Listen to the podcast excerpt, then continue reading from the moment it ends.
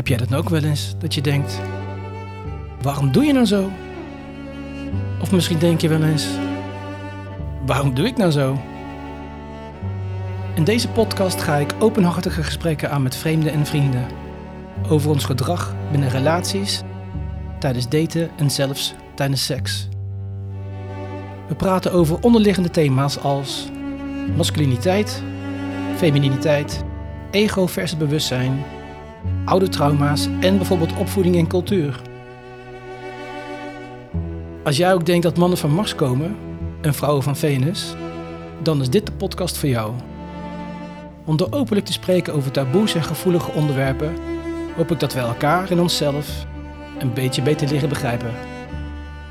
Wil jij ook een keer aan tafel of heb jij een heel goed idee? Stuur dan een berichtje naar info@waaromdoejenouzo.nl of ga naar het Instagram-account apenstaartje waarom doe je nou zo?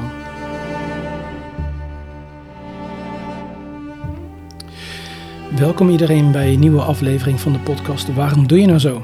Ehm, dit is een uh, aparte aflevering voor mij. Ik zit namelijk uh, thuis, helemaal alleen. Um, dit wordt dan ook een solo podcast. Ik heb namelijk besloten om een aantal solo podcasts op te gaan nemen waarin ik uh, vertel over een aantal dingen die mij bezighouden in mijn leven. Uh, maar ook uh, toekomstige evenementen die op de agenda staan. Zo heb ik bijvoorbeeld volgende maand in februari voor het eerst een zweethut staan. Um, dat, dat doe ik met de Mannencirkel Haarlem. Um, ik heb nog nooit een zweethut meegemaakt, dus ik vind het best wel spannend. Later die maand heb ik ook staan een ayahuasca-sessie een ayahuasca-reis, noem je het natuurlijk. Ook mijn eerste keer, um, dus het wordt een hele spannende maand in februari. Maar het leek mij leuk om um, solo um, in mijn uppie daar iets over te vertellen nadat ik dat heb meegemaakt. En vandaag wilde ik het eigenlijk gaan hebben over iets wat ik in de afgelopen afleveringen regelmatig heb gemeld. Ik refereer telkens naar uh, het moment dat ik een proces in ben gegaan. Um, dat was voor mij een heel duidelijk moment. Het was ook voor mij een heel duidelijk, duidelijke taak wat ik moest doen, wat het proces betekende. Maar ik kan me heel goed voorstellen dat als je luistert, dat je dan denkt, ja, wat bedoelt hij nou eigenlijk een proces? Wat is nou een proces? Um, en waarom ga je überhaupt een proces in? Misschien vraag je je wel af, uh, wat heb je ervoor nodig? Als stel jij wilt een proces in, wat, uh, wat heb je dan nodig? Um, hoe begin je aan een proces? Nou, ik wil daar het een en het ander over vertellen, zodat iedereen die um, geïnspireerd is geraakt door de vorige podcast, um, misschien zelf kan beslissen, ik ga een, uh, een, een, een proces in. En dan heb je misschien een klein beetje een houvast wat je moet doen. Uh, waar je terecht kan, waar je rekening mee moet houden um, en wat je mag verwachten. Dus het proces, het proces wat, um, waar ik doorheen ben gegaan of waar ik in ben gegaan. Daarvoor wil ik eigenlijk eerst vertellen um, hoe ik op het idee ben gekomen om een proces in te gaan. Want ik denk dat heel veel mensen op hetzelfde, dezelfde manier aan het leven zijn zoals ik deed, uh, zoals ik dacht. Um, en uh, misschien denk jij, ehm, net zoals dat ik toen dacht, dat ik helemaal niks hoefde te veranderen. Dat het eigenlijk best wel oké ging en dat, dat ik best wel happy was. En dat ik eigenlijk mijn zaakjes wel goed op orde had. Ik had niet echt financiële problemen of zo. Het ging best wel lekker. mijn gezondheid was goed. alles was eigenlijk wel op zijn rolletjes. En uh, misschien bevind jij je ook in zo'n situatie dat je denkt van ja, uh, met mij is het prima. Ik hoef helemaal geen uh, zogenaamd proces in. Dus ik wil je even vertellen hoe, uh, hoe het bij mij is gegaan. Zodat je misschien denkt van hé, hey, ehm, toch herkenbaar of zo. Dat zou kunnen. Ehm, maar in ieder geval. ik raakte op een gegeven moment helemaal soort van verslaafd aan motorrijden. Um, ik vond dat helemaal geweldig. Uh, dat heb ik um, in de afgelopen zomers uh, heel veel gedaan. Ook uh, reisjes naar de Ardennen. Ehm, en ja, ik vond het helemaal geweldig. En ehm, aangezien ik fotograaf en filmmaker ben, was het best wel een logische stap voor mij om te zeggen: hey, ik ga hier camera's meenemen. Ik plak een camera op mijn helm en ik ga in een microfoontje lopen lullen. En ik maak motorvlogs over mijn bevindingen op de motor, over mijn reisjes, et cetera. Nou, dat heb ik een, eh, een aantal keer gedaan. Ehm, en om eerlijk te zijn, waren die ook best wel leuk. Ik vond ze in ieder geval heel leuk. En als, al zijn ze niet heel erg succesvol, dan nog heb ik iets leuks om op terug te kijken. Dus eigenlijk is de regel altijd, wil je iets creëren, doe het dan altijd vanuit je hart, omdat je het leuk vindt en niet om zoveel mogelijk mensen te bereiken of om zoveel mogelijk likes of aanzien te krijgen. Doe het vanuit je hart dat, dat deed ik dus ook en uh, ik ben er nog steeds hartstikke blij mee. Maar um, iemand uh, zag een van die vlogs en zei: hey, je stem is een beetje hoog. Die kan volgens mij wel wat lager. En ik had nog nooit erbij stilgestaan, mijn stem hoog. Um, ja, ik wist dat ik niet een, een hele mooie, donkere, diepe stem had. Um, dus ja, waar heb je het over? Maar ik merkte wel altijd, en uh, dat begon ik over na te denken toen zij mij dat vertelde, dat um, ik altijd een beetje spanning in mijn keel had. Het was altijd een beetje, een beetje vermoeiend om te praten. En zeker als je een podcast of een, een vlog opneemt en je moet een, een uurtje vol lullen, dan, ehm, dan, dan, dan, voel je het wel als, als het heel erg vermoeiend is. En ehm, op de motor vlogs opnemen dan merkte ik wel dat het me veel energie kostte om überhaupt te praten. Dus ik, uh, ik zei dat tegen mijn toenmalige vriendin van... hé, hey, uh, iemand zei het tegen mij, wat vind jij ervan? nou ja, zij was natuurlijk al lang mijn stem gewend. En misschien merkte ze het wel op, maar het was niet een, een, een probleem of zo... of een ding van, hé, hey, wat zit je hoog in je stem?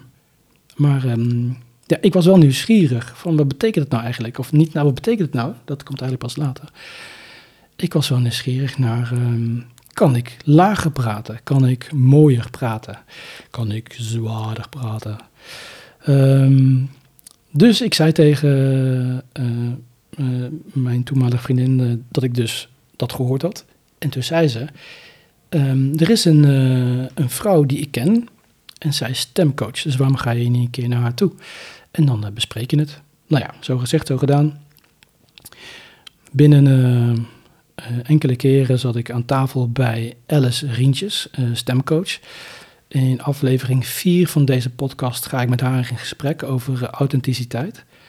Um, en um, ik dacht met het schaamrood op mijn kaken dat ik um, naar binnen zou stappen en dat ik zou belanden in een of andere wilde schreeuw en brul en zingsessie waarin ik uh, al mijn schaamte en trots en ego opzij moest schuiven om uh, die oefeningen te doen.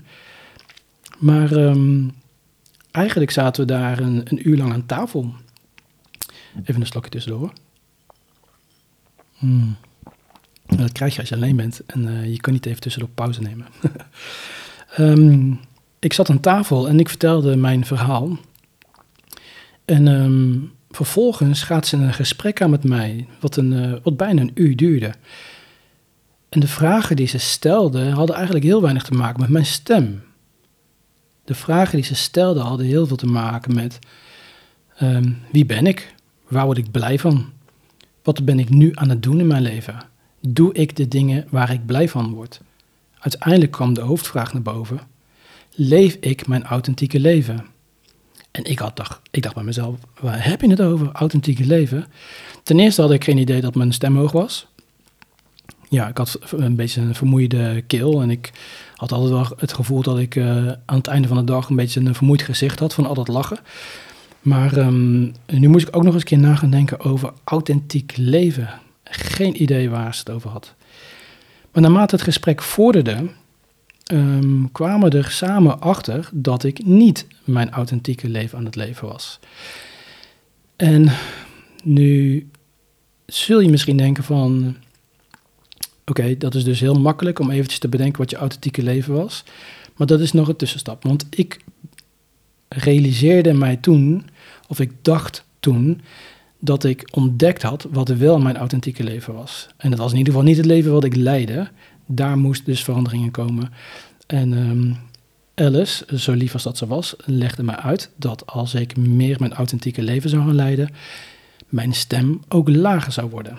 Um, op zich is dat best wel logisch als je erover nadenkt. Ik bedoel, als je meer, meer ontspannen bent en je bent meer op je plek, je bent vertrouwd, dan wordt je stem gewoon wat lager. Dus dat is niet zo heel erg raar.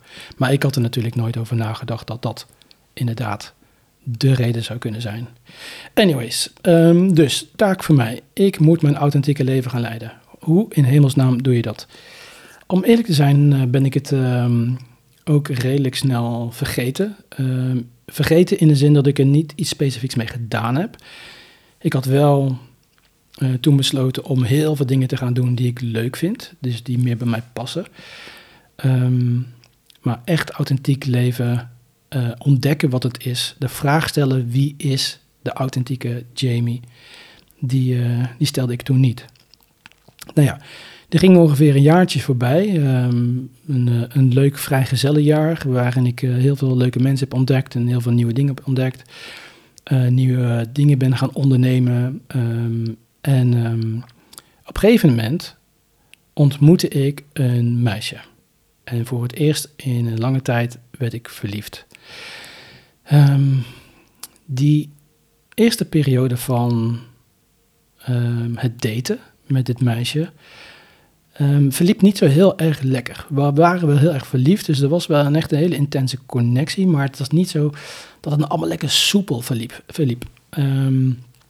Ik had besloten um, om bij mijn eerstvolgende relatie volledig authentiek te zijn. Um, dat was uh, een, um, eigenlijk het resultaat van het lezen van een boek wat hetzelfde meisje aan mij gegeven had. Zij heeft mij een boek gegeven, The Way of the Superior Man van David Dida.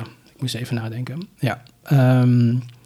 En bij het lezen van het boek, het gaat over masculiniteit en femininiteit, um, kwam ik erachter dat ik niet volledig in mijn masculine energie stond.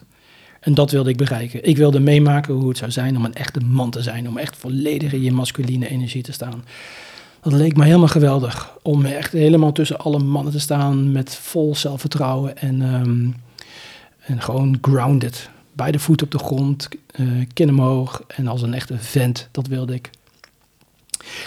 En in het boek werd omschreven dat een van de manieren om, of een van de eigenschappen van de superior man, is om volledig authentiek te leven. Dus om altijd te zeggen en te, uh, te uh, aan de wereld uit te leggen wat jij van binnen voelt en wat jouw mening is.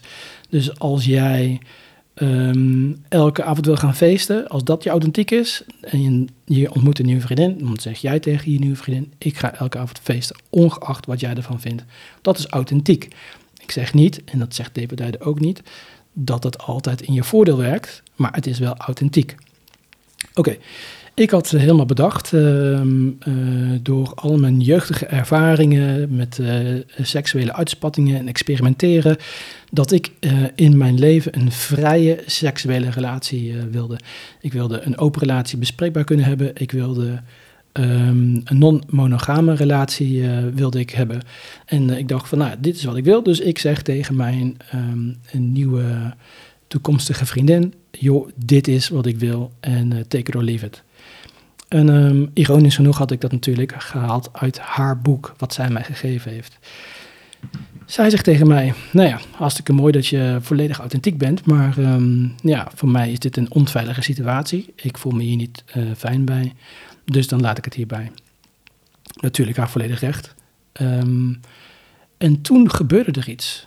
Ik, ik had zoveel verdriet om het verlaten van dit meisje, terwijl ik haar maar een paar maanden kende, dat ik, um, dat ik helemaal in de war raakte van, hè, maar um, je authentieke ik moet er toch voor zorgen dat alles um, goed gaat en dat je, dit, dat je geen verdriet meer hebt en dat, uh, dat je zelfverzekerd in het leven staat en dat alles oké is. En dat uh, in het boek wordt bijvoorbeeld omschreven dat uh, de man dan als een leeuw is en als de, de leeuwinnen en de andere leeuwen om hem heen hem treiteren of hem uh, pijn willen doen, dat hij dan zoiets heeft. Uh, I don't care, ik ben superior, ga jullie lekker fietsen.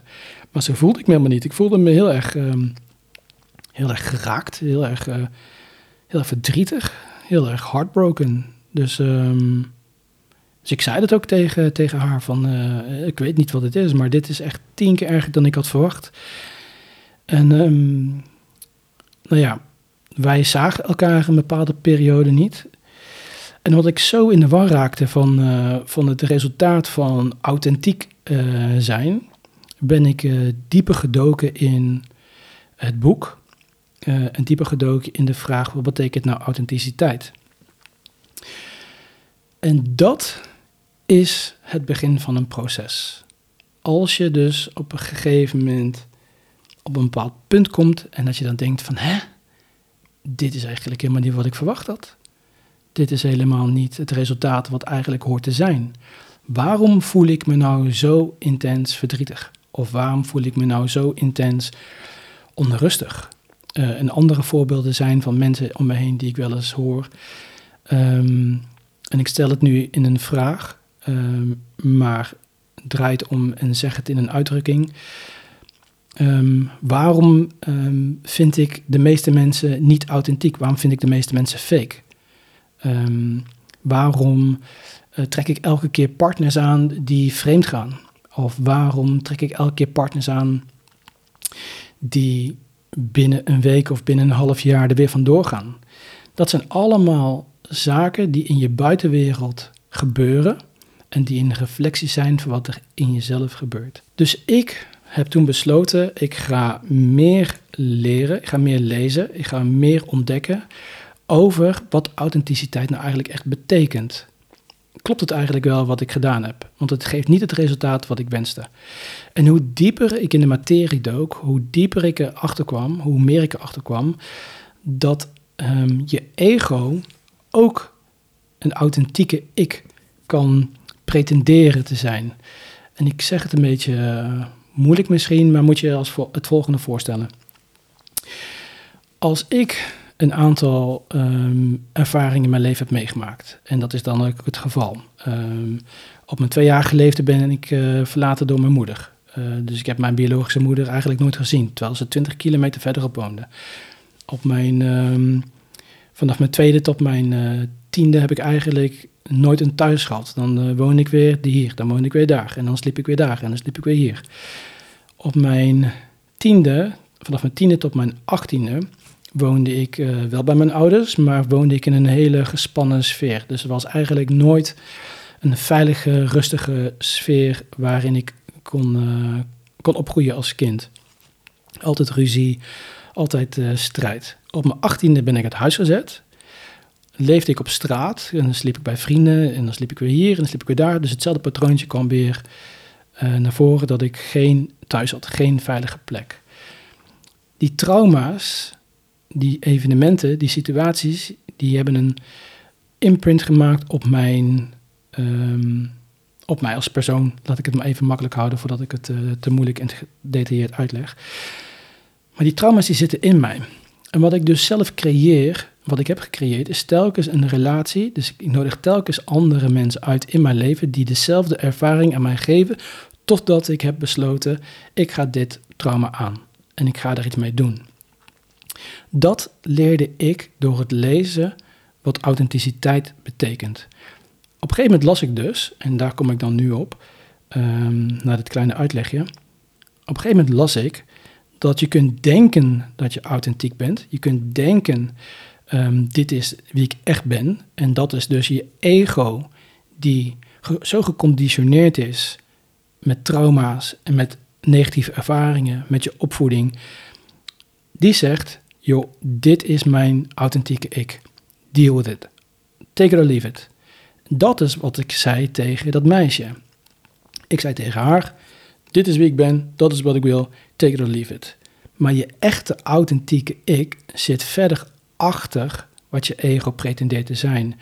Er zitten nog zoveel lagen van conditioneringen, er zitten nog zoveel lagen van trauma's, zoveel lagen van opvoeding, zelfs cultuur en zelfs vorige levens als je zo diep wil kijken. En als je echt op zoek bent naar je authentieke ik, dan moet je durven al die lagen aan te kijken. En dat noemen ze een proces. Het proces begint bij realisatie van: hé, hey, wat ik nu doe, dat werkt niet. Wat is er aan de hand? Wat is er nou eigenlijk gebeurd?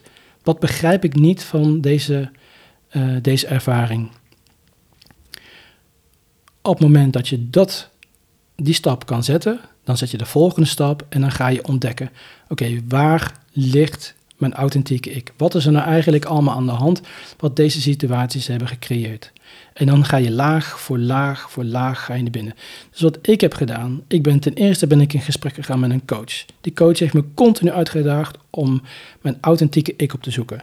Al mijn trauma's aan te kijken. Mijn trauma's van mijn eh, tweejarige ik. Mijn trauma's van mijn 18-jarige ik. Mijn trauma's van tussendoor. Mijn trauma's dat ik op straat heb gestaan. Al die trauma's heb ik continu stuk voor stuk aan moeten kijken. Alleen maar om die vastgelopen emoties met die beschermlaag op te lossen.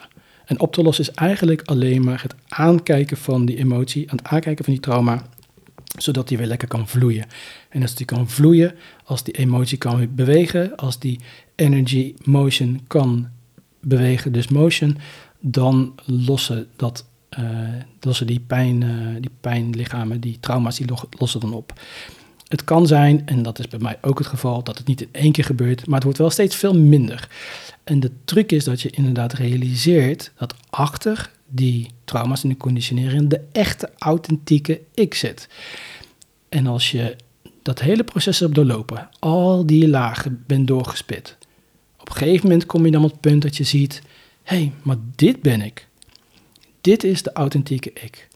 En dan nog, verklap ik je, heb je het nog niet echt helemaal gezien. Want de echte, echte, echte authentieke ik, dat vergt misschien wel jaren oefening, spirituele kennis, toewijding om zeg maar echt naar de kern te gaan van ik ben. Maar zo dichtbij mogelijk komen kunnen we allemaal. En het begint allemaal met een proces. Proces A, realiseren wat er aan de hand is, dat er iets niet helemaal lekker loopt. Ehm, dan de, de laag aan gaan kijken. Wat zijn de eerste trauma's? Wat zijn de conditioneringen? Waar ben ik opgegroeid? Hoe zag mijn jeugd er eigenlijk uit? Hoe ben ik eigenlijk opgevoed? Wat voor ervaring had ik eigenlijk als kleuter? Had ik uh, goede vrienden? Wat uh, is er eigenlijk gebeurd? Zijn er herinneringen waar ik op terug kan kijken? En dat ik denk van, nou, dat zit uh, toch niet helemaal lekker. Um, even een zijstapje, omdat het nu over mijn proces gaat. Maar als voorbeeld um, zijn er ook, bijvoorbeeld hoorde ik onlangs iemand die zei van... Ja, ik vind iedereen altijd zo, uh, zo fake. En um, fake, als je iemand fake vindt, dan. Het eerste, en dat is dus uh, onderdeel van het proces, is realiseren dat alles wat van buiten is, is van binnen. Alles is wat van binnen is, is van buiten. Dus als jij buiten ziet dat iemand fake is, dan moet je bij jezelf naar binnen gaan en vragen: oké, wat is wat ik fake vind, wat ik bij mezelf afwijs? En eigenlijk komen dingen heel vaak terug op de stelling: ik ben niet veilig, ik ben niet gezien of ik ben niet geliefd. En als iemand niet authentiek is, als iemand dus altijd maar fake is, dan kun jij je dus niet helemaal laten zien. Je kunt niet helemaal ontspannen. Je kunt niet helemaal vrij in vertrouwen met deze persoon uh, in contact staan. Dus het probleem wat je dan in jezelf voelt, is dat je je niet veilig voelt bij die persoon. En daarom heb je een hekel aan mensen die niet authentiek zijn of die fake zijn. Dit is één voorbeeld, er zijn 10.000 verschillende voorbeelden. Maar deze vraag zou inderdaad op deze manier beantwoord kunnen worden.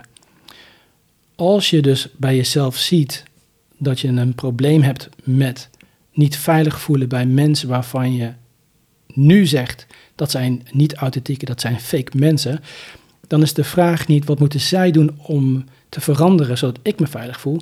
De vraag is, waar komt die emotie vandaan? Waar komt die trauma vandaan die je bij jezelf voelt? En zoals ik bij mezelf dus voelde dat ik geen veilige thuis had. Dat ik eigenlijk nooit een, um, een solide grond onder mijn voeten had. Dat ik geen plek had waarin ik um, mijn wortelen in kon gronden. En waarin ik kon groeien. En waarin ik wist van oké, dit is mijn thuis. Dat had ik niet, dat kende ik niet. Dus ik nodigde telkens ehm, situaties in mijn leven uit, mensen in mijn leven uit, die mij lieten ervaren dat ik niet kon vertrouwen op een stabiele ondergrond. Het was of ze gingen vreemd, of eh, ze zeiden van, ehm, ik weet het niet, ik weet niet of ik in deze relatie wil zijn, ik uh, hou nog van mijn ex. Uh, allemaal zaken um, die te maken hadden met um, instabiliteit, onzekerheid, geen vertrouwen. Dus dat was het, de situatie die ik elke keer ervaarde in mijn leven. En bij het lezen van het boek, bij het leren wat authenticiteit betekent, kwam ik erachter dat ik niet naar buiten moest kijken. Ja, alleen om te realiseren dat er dus dingen zijn in mij. Ik moest naar binnen kijken van wat is nou het probleem in mijn jeugd, wat ervoor gezorgd heeft dat ik telkens een onveilige, instabiele situatie voor mezelf creëer. Dat is een onderdeel van het, uh, van het proces. Als je helemaal teruggaat naar je jongere jaren, en dat noemen ze dan je inner child, aan gaat kijken. Want de meeste trauma's die ontstaan tussen 0 en 7. En wat is er bij mij bijvoorbeeld gebeurd tussen 0 en 7? Moeder vertrokken toen ik 2 was. Um, geen stabiele thuis gehad, altijd uh, bij iedereen en nergens uh, gewoond. En op een gegeven moment um, herhaalt dat patroon zich. Want ik kom dan in een, in een relatie met een uh, stiefmoeder en mijn vader in een situatie waarin ik hetzelfde eigenlijk weer ervaar. Weer geen veilige thuis, weer geen situatie waarin ik um, mezelf kon zijn. En dat herhaalt zich elke keer weer. Elke keer nodig ik opnieuw die situatie uit totdat ik het moment kies. Nu ga ik het aankijken. Nu ga ik naar mijn inner child, naar mijn uh, kindbewustzijn. En ik kijk het aan en ik zeg van joh, ik ben nu um, een volwassen persoon. Ik kom hier om je te beschermen. Ik kom hier om naar je te luisteren. Je bent veilig bij mij. Ik geef je een plek. Ik neem je mee in mijn hart. En ik zal er altijd voor je zijn. En het klinkt misschien een beetje zweverig. Of misschien wel een beetje, nou ja, je mag het zelf invullen. Maar dit is een essentieel onderdeel van het proces. Het erkennen waar die trauma's vandaan komen. Het kind in je aankijken die dat dus heeft meegemaakt. Uitleggen wat er aan de hand was. Uitleggen wat de situatie was omarmen, heel veel liefde geven, in je hart plaatsen, meenemen en zeggen: Ik zal er altijd voor je zijn. Op dat moment, als je dat gedaan hebt, als je dat proces zeg maar hebt doorlopen, dan komt integratie. En integratie is eigenlijk hetzelfde als dat je heel veel dingen hebt geleerd en dat je dat daarna het ook moet uit kunnen leven. Ik, kan, ik heb bijvoorbeeld um, vanaf mijn uh, mid-twintigste tot uh, achter mijn dertigste heel veel, heel veel spirituele boeken gelezen, heel veel spirituele documentaires gekeken, spirituele leraren geluisterd. Ik had heel veel kennis in mij over spiritualiteit, non-dualisme, noem het maar op. Het was allemaal onderdeel van de dingen die ik gelezen had. Dus ik had het idee, ik ben best wel ver in mijn spirituele ontwikkeling. Maar wat ik niet gedaan had, was het integreren van die kennis. En dat is hetzelfde als met het proces. Als je dat helemaal hebt doorlopen, dan heb je dus je inner child aangekeken, je hebt hem een plek gegeven en nu gaan we het toepassen in de werkelijke wereld. En dan zul je meemaken, en dat is dan uh, ook wat bij mij gebeurd is, dat je in situaties komt waarin je toch weer getriggerd wordt. Alleen, nou komt de truc. Ik had bijvoorbeeld um, een situatie um, met mijn nu vriendin. Um, en dat ik uh, een, een gevoel van jaloezie voelde komen. En het eerste wat ik deed was, oké, ik erken het gevoel, jaloezie. En ik identificeer mij niet met het gevoel. Ik ben niet uh, deze emotie. Emotie die zit uh, in de buitenlagen uh, van wie ik ben. Ik vertel tegen mijn vriendin, dit is wat ik ervaar. Ik voel jaloezie in deze situatie waarin jij dit en dit doet.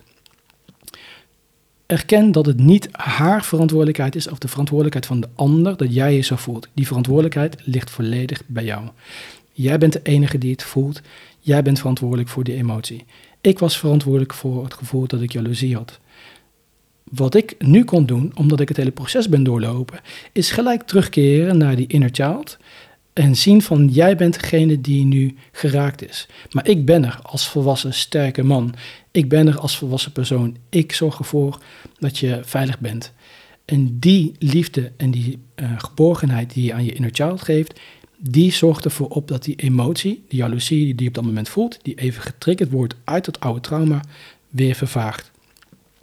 En als je dat kan doen, dan kom je dus steeds dichter bij je authentieke ik. Want je identificeert je niet meer met je trauma's. Je identificeert je niet meer met je conditioneringen. Je identificeert je niet meer met je gedragspatronen, je, je critical voice, met uh, hoe je opgevoed bent, met uh, de, je strenge vader die altijd zei dat je niet uh, genoeg was, met um, je moeder die altijd um, um, boos was omdat je een rommeltje maakte van, van je leven. Allemaal conditioneringen, allemaal gedragspatronen die voortkomen uit ervaringen die je hebt opgedaan in je jeugd. en als je dus je authentieke ik kan zien, en wat ik dus op een gegeven moment kon zien, dan is de, de, de, de uitdaging om die authentieke ik te laten zien aan de buitenwereld. Dus niet meer die conditioneringen en die uh, trauma's, maar die authentieke ik. Dus ik ben um, op een gegeven moment teruggegaan naar mijn uh, nieuwe vriendin en ik heb uh, tegen haar gezegd van luister wat ik tegen je vertelde over mijn authentieke ik. Dat ik die vrije sekswereld wilde en dat ik niet een monogame relatie wilde. Dat was mijn ego die um, net deed alsof dat mijn authentieke ik was. Maar ik ben er nu achter gekomen. Dat was alleen maar een afleiding, zodat ik niet um, weer een verbinding aan hoefde te gaan waarin ik heel veel risico zou lopen om verdriet aangedaan te worden. Want het is nou eenmaal, eh, als je een relatie aangaat, is fucking eng. Dus als je dat kunt uh, accepteren van jezelf, dat dat is wat er gebeurt, dan is dat je authentieke boodschap. Dus ik vertelde dat tegen haar dat was niet wie ik was. Dit wat ik je nu ga vertellen is mijn authentieke ik. En ik legde uit dat mijn aller, aller grootste droom is gewoon simpelweg huisje, boompje, beestje. Um, een hele diepgaande, spirituele, uh, emotionele liefdesconnectie. Waarin je niet van elkaar wegloopt, waarin je elkaar helpt als de, de ander problemen heeft. En uh, met name dan problemen met eh, trauma's en triggers en um, en emoties. Maar dat je een veilige situatie creëert voor elkaar, waar je één op één met elkaar knetterhard uh, geniet van het leven en van de liefde en um, gewoon een hele mooie relatie hebt. En dat heeft helemaal niks te maken met, uh, met uh, non-monogamie of seks buiten de deur of wat dan ook. Totaal niet. Dit is de authentieke ik die nu aan het spreken was tegen haar. Dit is wat ik wil. Het, het effect van het laten zien van mijn authentieke ik, was dat zij op dat moment besloot om wel met mijn relatie aan te gaan. Want zij voelde zich heel erg veilig bij wie ik op dat moment vertelde dat ik was. En nu heb ik haar mijn authentieke ik laten zien en nu kunnen wij eindelijk die hele mooie verbinding aangaan. Op basis van veiligheid, op basis van eerlijk aan elkaar laten zien wie de ander is. En in onze huidige relatie vertellen we ook aan elkaar: joh, ik voel me nu, um, ik voel me nu jaloers. Uh, dat heeft hiermee te maken. We bespreken het, we geven het ruimte om te bestaan. En dan kunnen we verder.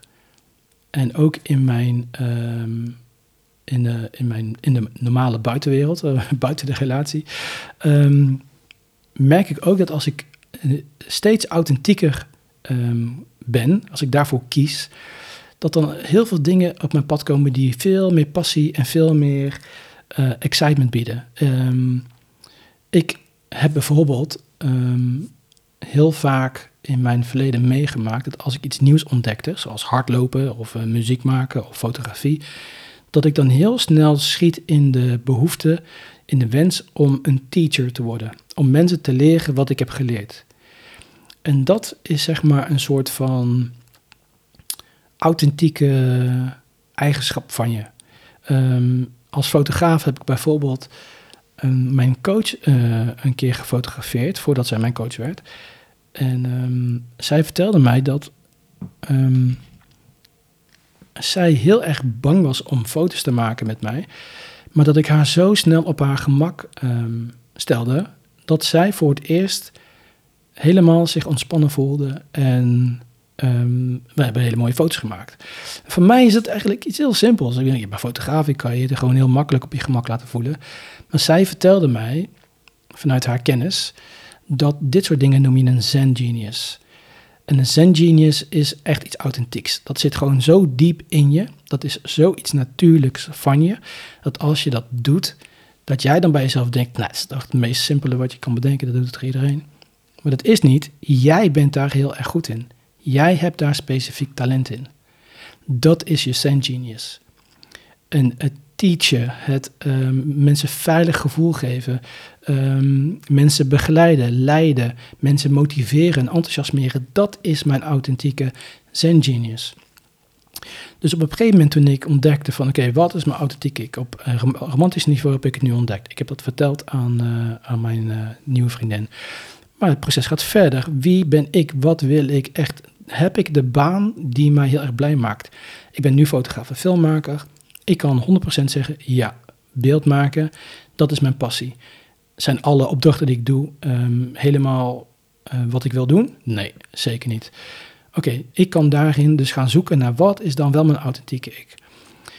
En nu heb ik een podcast met vijf afleveringen en een uh, paar honderd uh, luisteraars die um, allemaal luisteren naar iets wat ik geïnitieerd heb iets wat ik opgezet heb vanuit mijn passie, zonder het oogpunt uh, om heel veel geld mee te verdienen. Ik verdien hier helemaal niks mee. Dit is puur vanuit mijn liefde voor um, de dingen die ik onlangs geleerd heb. En ik oefen nu, dat is nu ook weer zo'n solo podcast uh, als exercitie. Ik beoefen nu mijn authentieke uh, ik, als het ware, dit is um, waar ik altijd heel erg blij van werd. Uh, praten, uh, mensen motiveren, mensen enthousiasmeren. En ik ben nu onlangs een studie begonnen over tot transformational coach. Waarin ik al deze dingen die ik verteld heb, plus al die jaren spirituele ervaring, boeken die ik heb gelezen en kennis die ik tot me heb genomen. Dat komt allemaal samen in die studie. En dat zorgt ervoor dat ik straks... Um, met heel veel tools en een roadmap naar, uh, uh, naar de systemen van de mensen uh, die ik eh, benader of die ik behandel, dat ik je kan helpen om je authentieke ik te vinden. Dat is mijn missie. En het komt allemaal uit het accepteren van wat is mijn authentieke ik. Dat is allemaal het resultaat van een proces. Dus de vraag is, of de vraag die jij misschien jezelf stelt, wat is een proces? Dat heb ik je net uh, uitgebreid uitgelegd. Waarom um, ga je een proces in? Um, ook al denk je dat heel je leven nu op zijn rolletjes gaat, het is gewoon heel erg interessant om te toetsen of jij je authentieke ik leeft. En ik heb ooit geleerd van, ik geloof dat het Teal Swan is, dat als jouw reactie op iets verdediging is, dan ben je niet authentiek. Is jouw reactie verbinding, dan ben je authentiek. Dus als jij jezelf aan het verdedigen bent, wat je aan het doen bent, je mening, um, word je zeg maar strijdlustig opstandig, want je voelt je aangevallen, dan ben je niet authentiek. Dan mag je jezelf vragen: oké, wat raakt er in mij dat ik mezelf moet verdedigen? Want als je helemaal authentiek bent, dan hoeft het helemaal niet. Want wat de ander van je vindt, dat maakt je dan echt helemaal geen fluit uit. Als je helemaal authentiek bent, dan maakt het helemaal niet uit wat andere mensen van je vinden of wat ze tegen je zeggen of hoe ze tegen je doen. Want jij bent gewoon helemaal rein met jezelf. Je bent helemaal grounded, helemaal zelfverzekerd. Je bent die leeuw waar ik het over had, waar iedereen tegenaan loopt te jekkeren. Um, en jij doet gewoon lekker je dingetje. Dat is authentiek zijn. Dus schiet jij in de verdediging, dan moet je jezelf afvragen van hé, hey, waarom gebeurt dit? En dan kun je het proces in, laag voor laag naar binnen. Kijk naar de dingen die gebeurd zijn in je leven. Kijk naar je trauma's. Kijk naar je conditioneringen. Kijk naar je cultuur, je opvoeding. Al die zaken die ermee te maken hebben hoe jouw persoonlijkheid uh, gevormd is. En als je daar doorheen kan gaan, dan kom je op een gegeven moment bij je authentieke ik. En als je die kan omarmen, dan beloof ik je dat je leven er honderd keer beter uit gaat zien. En ik spreek uit eigen ervaring. Nou, wat een verhaal. Authentiek zijn, het proces ingaan. Het zijn allemaal zulke, zulke interessante dingen. Um, ik zou iedereen uit willen nodigen om hiermee aan de slag te gaan.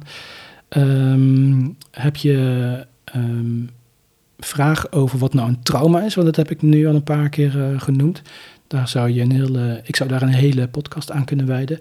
Um, voor nu zou ik je adviseren om uh, online te gaan, op zoek te gaan naar de Uh, podcast van Giel Belen, die is uh, echt heel erg goed. Uh, waar hij in gesprek gaat met Robert Bridgman. Um, ik volg een studie aan zijn academy, de Bridgman Academy. ik volg de studie Transformational Coach. En hij heeft een, een driedelige talk over trauma. Het heet ook Trauma Talk. Um, Kokuru van Giel Belen met Robert Bridgman, Trauma Talk. Als je die drie afleveringen bekijkt, dan zul je ontdekken dat iedereen, iedereen trauma's heeft. Ehm, even een korte, samenvatting over trauma. Je hebt uh, impact trauma en je hebt procestrauma. Een impact trauma dat is als je bijvoorbeeld iets heel ergs hebt meegemaakt. Uh, een aanranding, een auto-ongeluk.